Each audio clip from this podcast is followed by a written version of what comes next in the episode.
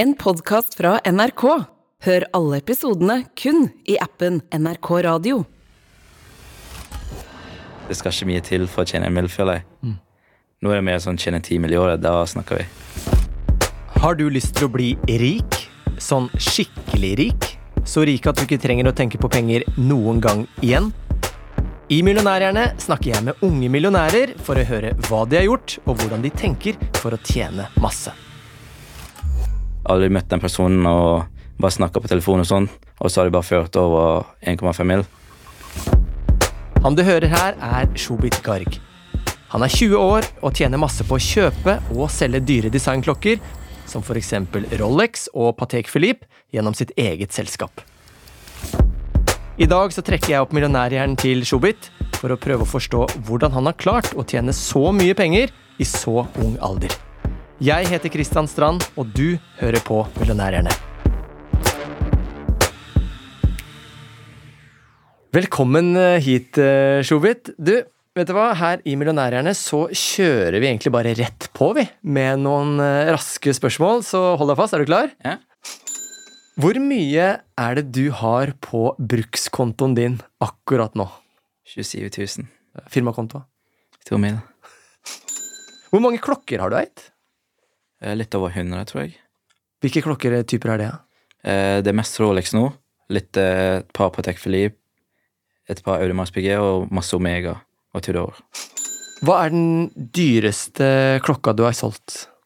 Eh, Den dyreste jeg har solgt, eh, var i går for én mil. Hva er det du har på håndleddet selv eh, nå, og hvor mye koster den? Jeg har på en, eh, noe som heter Omega Snoopy. Det er sånn 50-års jubileumsklokke som kom i 2020.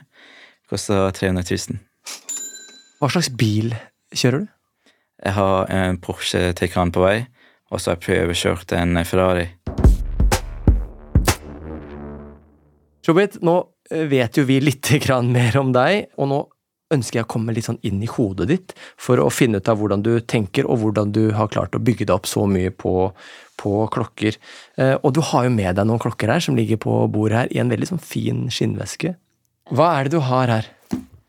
Jeg har jo med et par godtebiter fra Rolex. To GMT-massere, og så har vi noe som heter Daytona, som er den mest populære fra Rolex. Ja. Så det er jo dette som eh, de fleste nordmenn vil ha når de skal kjøpe en Rolex. Du, jeg har aldri holdt en Rolex, jeg. Jeg lover det. Kan jeg få, kan jeg få kjenne Hvilken har du lyst til å prøve?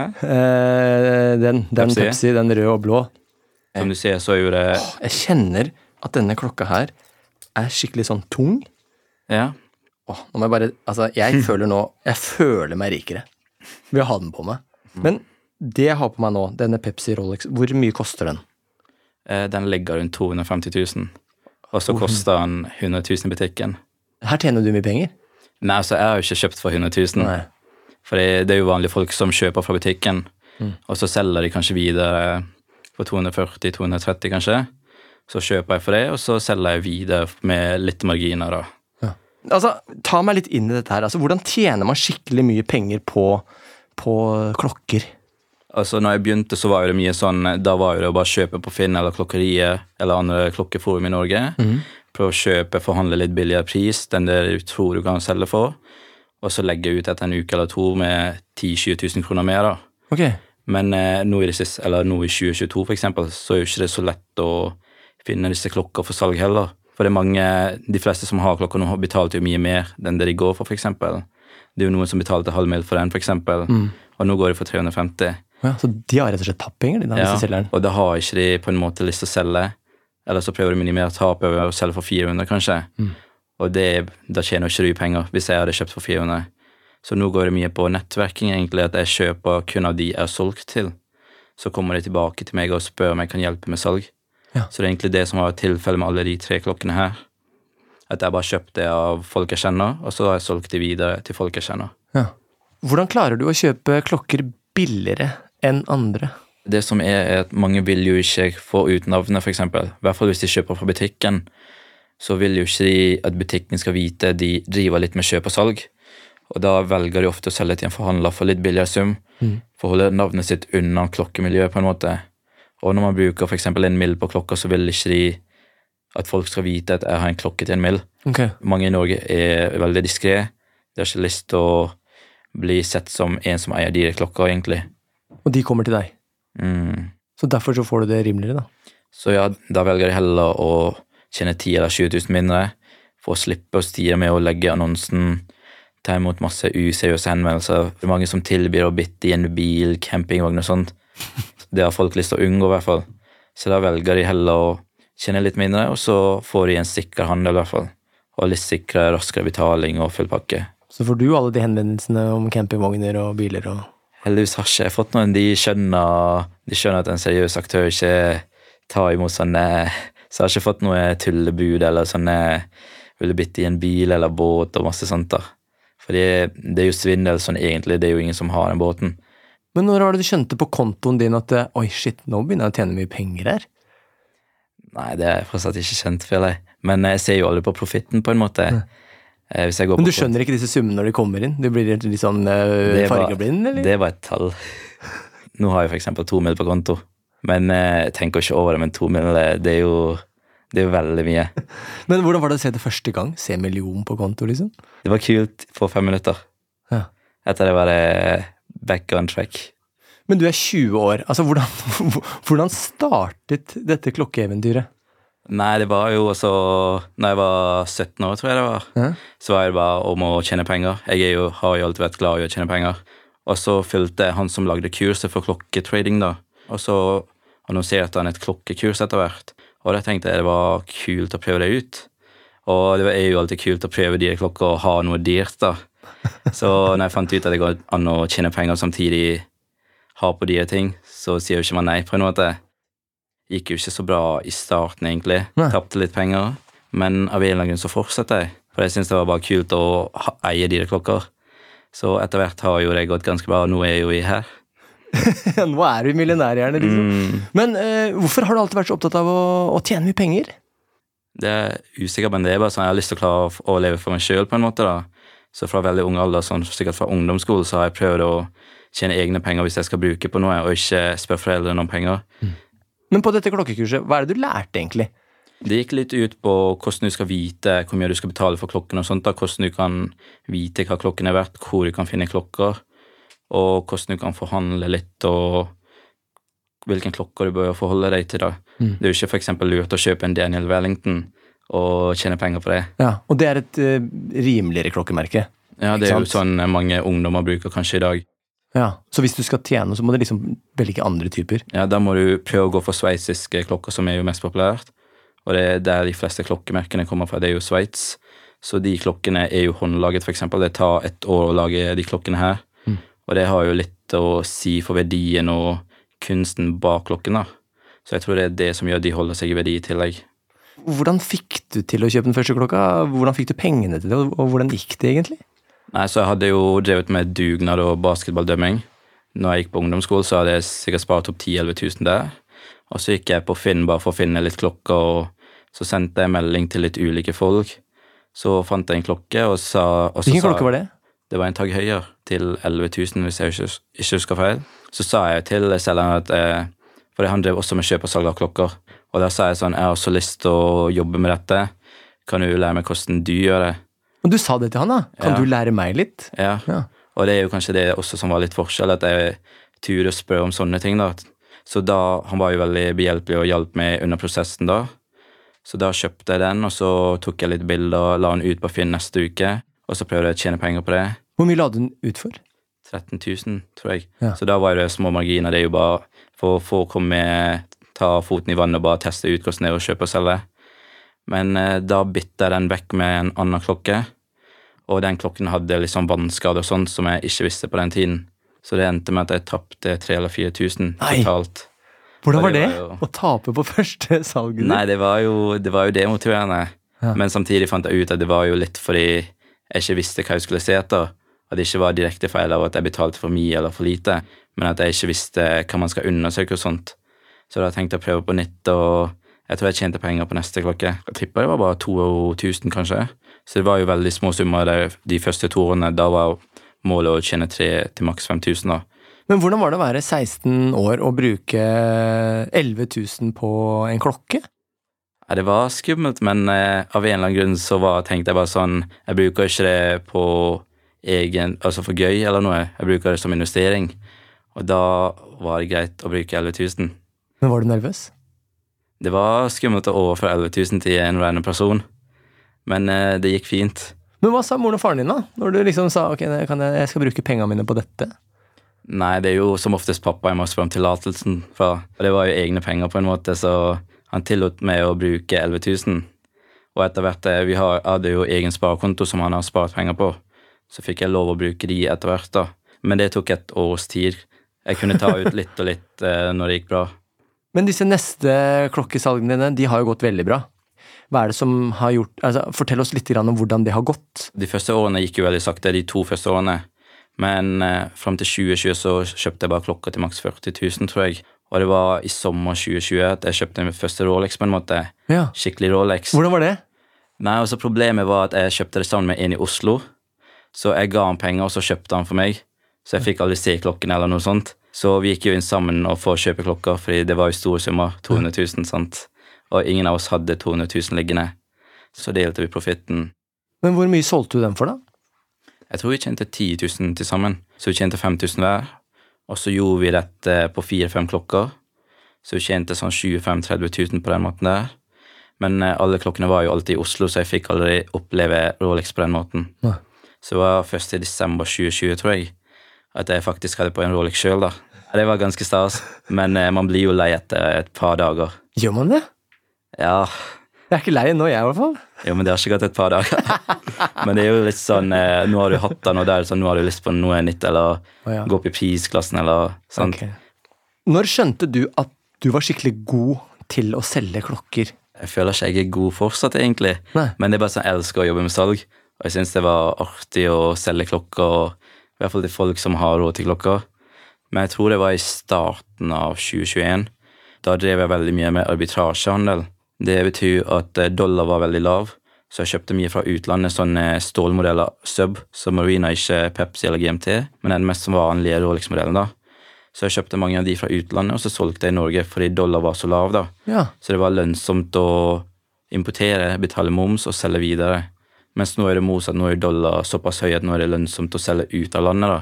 Så du selger da nå klokker ut av landet òg? Ja, så jeg tar jo mye på den kurstradingen òg, så jeg bruker litt forskjellige typer trading ut ifra hvordan valuta gjør det, hvordan markedet er i Norge og sånt. Hvor mye er det du selger eh, klokker for i, for i år? Fram til nå så ligger jeg vel på 20 millioner i omsetning. 20 år og 20 millioner, det er jo ganske mye, da. Ja, det er jo ganske bra, syns jeg. Det er jo fortsatt hobby, syns jeg, da.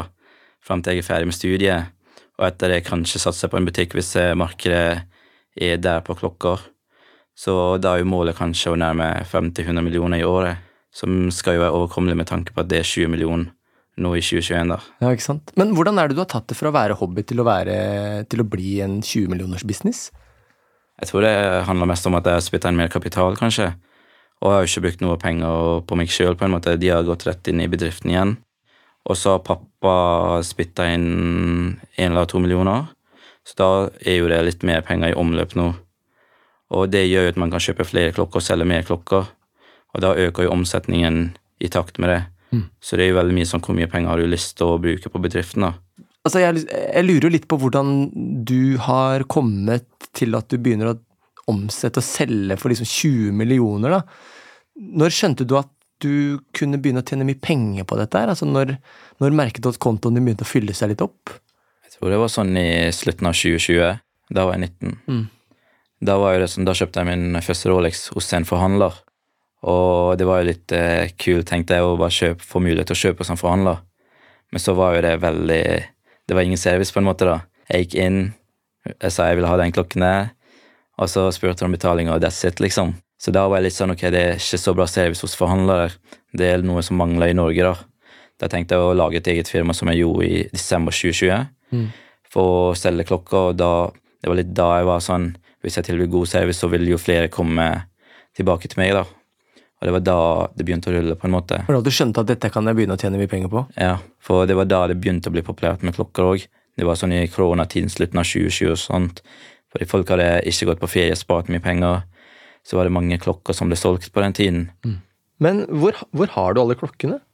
Nei, altså Fram til sommeren i år så oppbevarte jeg det under sengen. Jeg har en sånn eh, oppbevaringsseng da, som har plass til eh, sikkert 200 liter eller noe. Oh, ja. Så da sov jeg oppå klokkene på en måte. Så du hadde millioner av, av Ja. kroner under der? Mm, og så var jo det alltid folk som spurte hvor har du klokken og sånn. Og da tenkte jeg kanskje det er på tide å bare kjøpe en safe. Så da kjøpte jeg safe nå i september på 200 kilo eller noe. 200 kilo, ja. Hvordan var det å få den inn i hus? Den ble levert utenfor leiligheten, da. Ja. Og budbringeren så jo bare på meg og kompisen og begynte å le. Ja.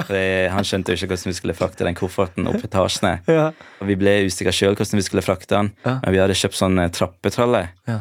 Så vi plasserte den oppå trappetrallen, og så bare dytta vi den opp et par etasjer. og ja, Det tok en time, da, men eh, nå er han på plass, i hvert fall. Så nå er safen trygt, og Ja. klokkene er gått. Men nå, når du kom hit, så har jo du vært gjennom Du har jo tatt flyet eh, hit. Hvordan er det å gå med tre klokker, eller fire klokker som nesten er verdt en million kroner igjen en flyet og sånn? Nei, altså Det mest skumleste er jo bare sikkerhetskontroll, litt, sånn, fordi du har ikke kontroll på hvor bagasjen din er. Ja. Så det er jo litt sånn, jeg venter til bagasjen kommer til den scan, det skannepunktet, og så går jeg sjøl gjennom eh, kontrollen, og så, vent, og så følger jeg med på bagasjen. Ja. Hvis noen kjenner meg igjen da, og vet hvor jeg skal og sånt. Men på fly og sånn så er jo ikke det så mye som kan skje, på en måte. Men det er jo alltid skummelt og en risiko man tar når man reiser med sånne verdier. Men én ting er at du kjøper jo klokker, og så selger du de da så klart videre. Hvordan er det du finner de som skal kjøpe disse klokkene her, og hvordan er det du forhandler en pris sånn at du tjener penger på hver klokke? Eh, Så jeg bruker veldig mye Instagram aktivt nå. Jeg har en egen bruker som heter Timelux, så jeg legger klokkene ut der når jeg har de tilgjengelig. Og det er jo mange som følger meg der, så hvis noen er interessert, så sender de bare en melding eller noe sånt. Og så bruker jeg Finn veldig aktivt, da. Der legger jeg ut klokker med fine bilder. Og så får jeg ofte mail da om to-tre dager med folk som er interesserte. Så snakker vi litt fram og tilbake, litt på telefon. Og så blir jo vi enige om pris og sånt, da. Ehm, når det kommer til forhandling, så sånn Så spør jeg bare sånn hva er det du ønsker for klokken, og så sier de kanskje 350. Ja. Og jeg sier sånn eh, det er en fin pris, men jeg tror ikke jeg klarer å tjene penger på det. Um, jeg tror jeg klarer å få den solgt for 340 000, og da kan jeg gi deg 320 000, da. Så jeg er jo veldig sånn åpen. Bare sånn Det er dette jeg kommer til å selge den for, og da må jeg betale så mye for at skal, det skal være lønnsomt for meg, da. Ikke sant? Men når du da har solgt denne klokka til meg, da, hva skjer da? på en måte? Eh, Sender du den bare i posten, eller reiser du og møter dem, eller hva, hvordan Eh, funker Det er veldig varierende. Som nå reiser jeg fordi nå skal jeg levere tre klokker i Oslo. Hva, er det de her du skal levere, eller? Ja, Det, så de er egentlig solgt? alle er solgt. Å ja. Ok. Så de skal jeg levere i Oslo, så det var jo bare tilfeldig at klokkene, jeg tok med de klokkene i dag. Men ellers pleier jeg å bare sende i posten. Men når du møter de da, er det sånn Møter du de bare, og så får de se på de, og så Eller gjør du noe mer ut av møtene Nei, da blir jo det ofte halvtime til en time lang møte. Sitter kanskje i en kafé, tar en kopp kaffe. Og så sitter vi og bare snakker litt om klokka. De spør ofte sånn Hvordan kom du inn i klokkemarkedet, og hvordan er det? Sånn, de er jo alltid nysgjerrige når de ser at det er en så ung person, da. Men hvem er kundene? Det er som oftest enten er det sånn ingeniør, leger, advokater, eller så er det daglig leder av ulike bedrifter. Og så er det noen tømrere som driver for seg sjøl og sånt, da. Så det er veldig varierende kundespektrum. Jeg syns det er ganske kult å få et innblikk i hvordan det er å være dem, da. Hvordan det er å være daglig leder av den bedriften der, hvordan det er å styre bedriften, og hvorfor de kjøper klokker. Så man får jo alltid noe ut av det òg. I går hadde jeg mitt største salg. Oh, ja. Så det var jo ganske artig opplevelse. Det var en jeg hadde snakka med i ca. en måneds tid, litt fram og tilbake. Og han hadde nettopp tatt ut utbytte fra firmaet sitt. Eller han sa i hvert fall han har to millioner å bruke på klokker. Oi. Og hva kan jeg få tak i for to millioner? Og så sendte han litt forskjellige klokker og priser på det. Så var det litt forhandling fram og tilbake. Og så landa vi på en avtale i går på de to og en Patek Philippe. Hva koster en Patek Philippe-klokke? en mill. eh, sånn cirka minst. Så da var det en eh, sum på litt under 1,5. Og det, det jeg syns er ganske kult, er jo at de har, at har klart å bygge den tilliten, da. Ja, ja. Aldri møtt den personen og bare snakka på telefon og sånn, og så har de bare ført over 1,5 mill. Hvor mye tjente du på dette? Nei, jeg tjente faktisk null kroner. Hæ? Null kroner? Nei, altså For min del så var det å knytte kontakt med den personen. Ja. Når han har lyst til å bygge to mil på klokka, så er det en som har gjort veldig bra i livet. Og da å få muligheten til å møte han, det er nok verdi for min del, tenker jeg. Og hvis han bruker to mil nå, så bruker han sikkert to mil i framtiden òg. Ja. Og kommer da og tjene penger. Er du strategisk? Altså Det er jo på en måte strategisk at jeg tenker langsiktig, da. Fordi mange har jo sikkert tenkt sånn jeg kan ikke selge for den prisen, for jeg går jo i null, eller tjener ingenting. Det er meningsløst at jeg selger de klokkene. Mm. Men jeg tenker jo sånn, jeg tjener på det i framtiden. Jeg trenger ikke å tjene penger her og nå. Mm. Har du blitt lurt? Ja, tre ganger. Hver gang jeg blir lurt, så jeg vurderte jeg å slutte med klokker. For det var, første gangen var i 2019, tror jeg. Da, var det, da tapte jeg 30 000, og det var jo store summer.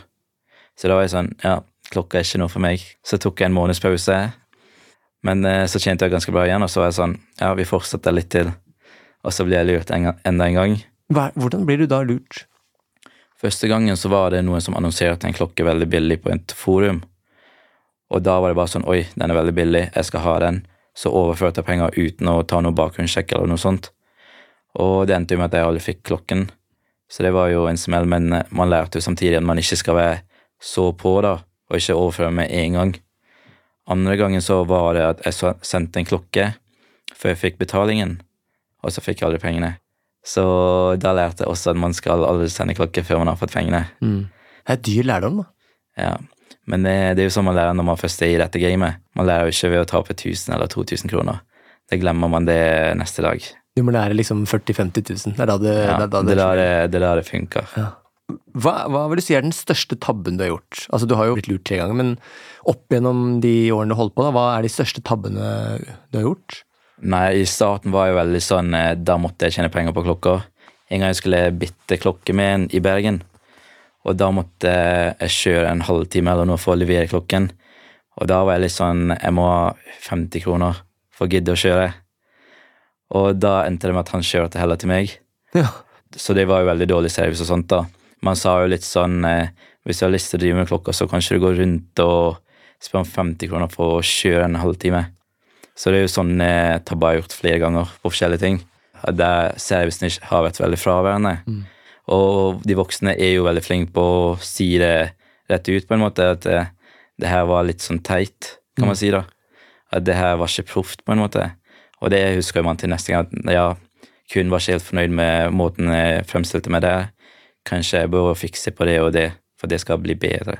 Ja, ikke sant. Og, altså, for å kunne være god i å selge klokker, må du kunne masse om dette her? Sånn historien bak klokka, det kan jeg ikke noe om. Nei. Men sånn det jeg kan, er jo bare sånn hvorfor den er populær, Ja, om han kommer til å øke verdi i framtiden eller ikke, Mm. om han bør kjøpe den eller ikke, og hvilken andre klokker bør han kjøpe hvis han skal kjøpe noe annet. da. Altså, du kan businessen rundt, liksom, Ja, men liksom om nerdinga, om klokke jeg, kan, og jeg har ikke urverk av og klokker. Nei. Så lenge jeg liker klokken, så syns jeg det er bra.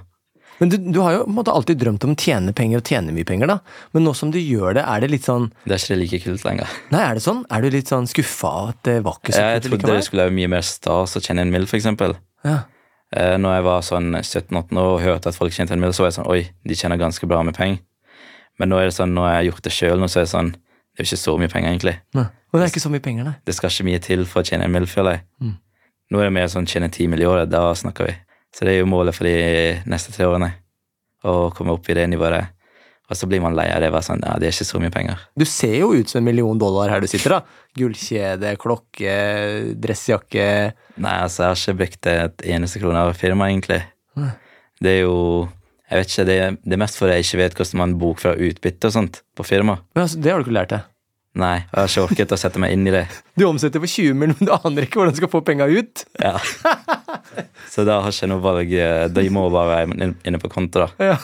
Det er jo en grei måte å ikke bruke penger på. Men eh, jeg tenker å lære meg det når jeg er ferdig med studiet. Men jeg frem til det, jeg tror ikke Jeg prøver å leve på studielån, egentlig. Men det er jo folk som spør hvorfor jeg er Jeg er jo ofte gjerrig, kan man si. Er det det? Hvordan da? Nei, sånn Jeg orker ikke bruke penger på det, det er litt for mye. Sånn, Jeg orker ikke å kjøpe den jakken fordi den koster litt for mye og sånt.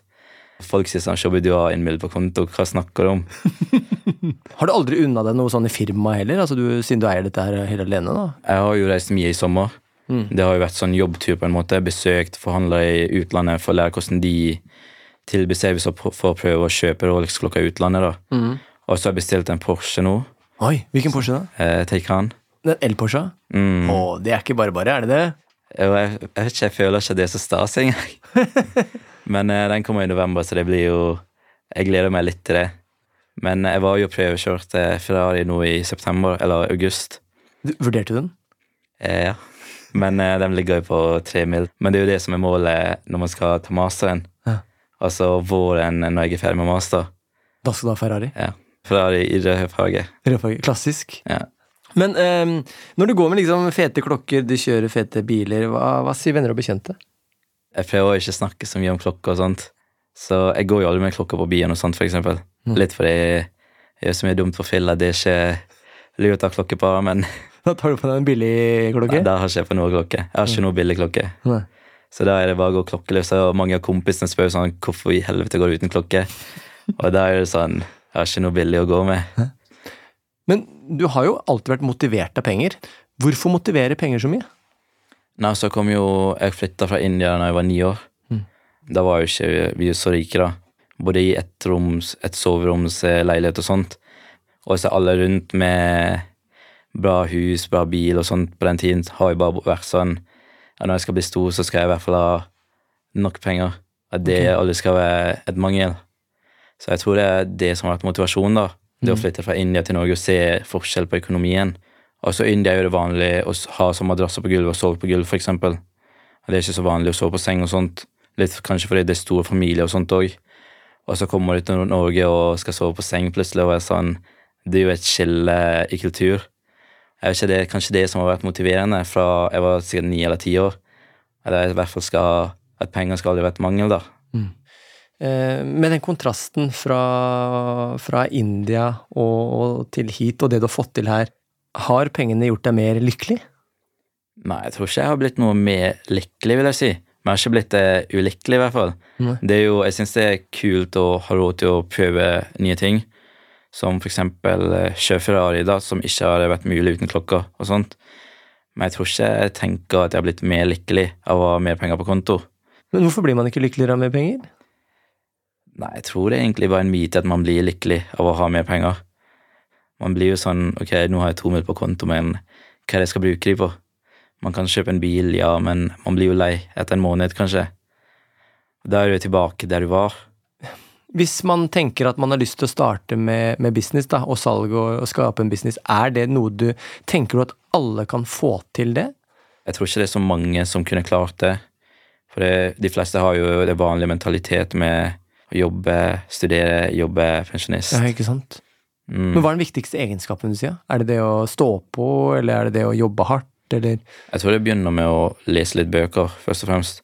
Rundt sånn Rich Dead Poor for eksempel. Det er jo en bok som var mye av grunnen til at jeg er som jeg er i dag, tror jeg. Mm. Hva fikk du ut av den? Nei, det var jo litt sånn eh, Skjønne litt hvordan penger funker. Og der snakker de litt om at hvis du jobber for penger på en måte, da, så blir du fanga i den eh, jobbsyklusen og jobber 9 til 5. Fordi han eh, som var Robert Kiyosaki, som boken handler om, han hadde jo en rich dad som betalte han under minstelønn, på en måte han jobber gratis.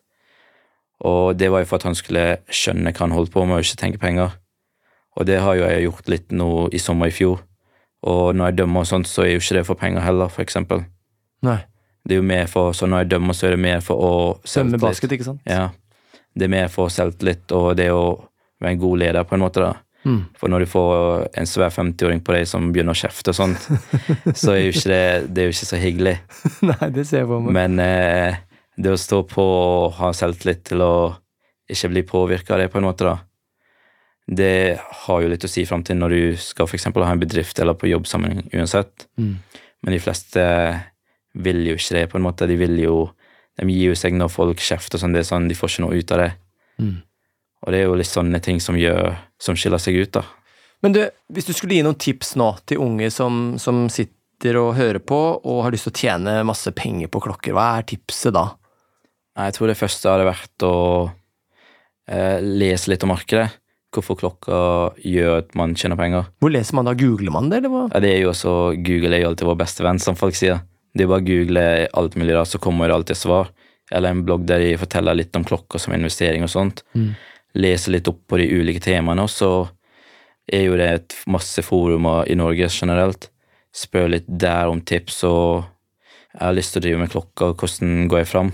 Det er jo to hovedforum her i Norge som er desidert de største og mest populære. Det er en som heter Tidssonen, som er egen nettside. Og så er det en Facebook-gruppe som heter Klokkeriet, med ca. 70 000-80 000 medlemmer. Og det er jo der de fleste klokkene omsettes, på en måte. Og der man snakker om klokker og bare temaene rundt klokker. Og når det kommer til blogger, så er det bare masse, masse rart på YouTube. egentlig Bare forskjellige for eksempel, forskjellige forhandlere i utlandet, da, sånn USA. Mange av de har sånn YouTube-kanal der de bare snakker om livet sitt som en klokkeforhandler. Hva søker du på på YouTube? Én, hvis du skal anbefale én YouTuber. For eksempel The Grey Market. Det er en som er veldig stort i verden generelt. En av de største gråmarkedsforhandlere. Han eh, viser rundt klokka han kjøper, selger, og hvordan det er å drive butikken. da. Og man lærer jo veldig mye der. Og så hvis man har lyst til å lese om klokker generelt, så kan jo man gå på Bare søke på klokken, så kommer det masse blogger rundt den klokken. Du finner masse nyttig informasjon der. Så kaster de seg inn i det, da, og kanskje gjør sitt eh, Ja, første kjøp. Ja, Eh, Tips da for ikke kjøpe en dårlig piratkopi. ja Hva- hva Det er viktigste er jo kanskje å spare 50 000 først. 40 eller 50 000. Mm. Og så begynne med en Omega eller Tudor, som er ofte der man begynner. Ja. Og så er det lurt å kjøpe en klokke som er solgt nye av norsk forhandler, også norsk butikk. For da er det veldig få som klarer å forfalske sånne ting. Så det er jo det tryggeste for å slippe kopier og sånt. Og så er det bare å studere litt markedet på visse modeller som er populære. Se hva de har blitt kjøpt og solgt for, og lande på et tall du mener du klarer å gå i null, i hvert fall. Trenger ikke tjene store summer på første salg, men bare for at du skal få følelsen av hvordan det er å kjøpe og selge. da. Mm. Hvis du skal prøve å mm, fortelle oss hva som gjør at du har en millionærhjerne Jeg tror det er mest at jeg ikke tenker penger, først og fremst. At det er ikke penger som er motivasjon, da, men heller tingene rundt, som langsiktig kundeforhold, som det å utvikle ulike ferdigheter som lederskap, selvtillit. Det er jo egentlig det som gjør at man lykkes med det, føler jeg. Det skjer Hvis man tenker penger, så kommer ikke man langt. Det er mer at du tenker hva du får ut av å møte folk med penger, og de som har millionærhjerner. Så det er jo egentlig det, da, føler jeg. Showbiz, helt til slutt, du driver jo med klokker. Betyr det at du alltid er presis? Nei, altså, det er én ting jeg har lært av pappa, og det er jo enten for tidlig eller for sent. Så som i dag, for eksempel, så møtte jeg opp halvtime før. Og det er fordi jeg liker at jeg har god tid og ikke kommer sånn stressende, da. Så det er nesten aldri jeg møter opp sent, egentlig. Det er kanskje en dårlig vane når jeg skal på force og sånt. Kommer førstemann der og er sånn Hvor er folka? Du, Shobit, det er utrolig gøy å ha deg her. Eh, Og jeg har lært masse, både om klokker og lederskap og nettverk og service. Eh, tusen takk for at du var gjest i Millionærhjerne. Jo, det var veldig hyggelig å være her.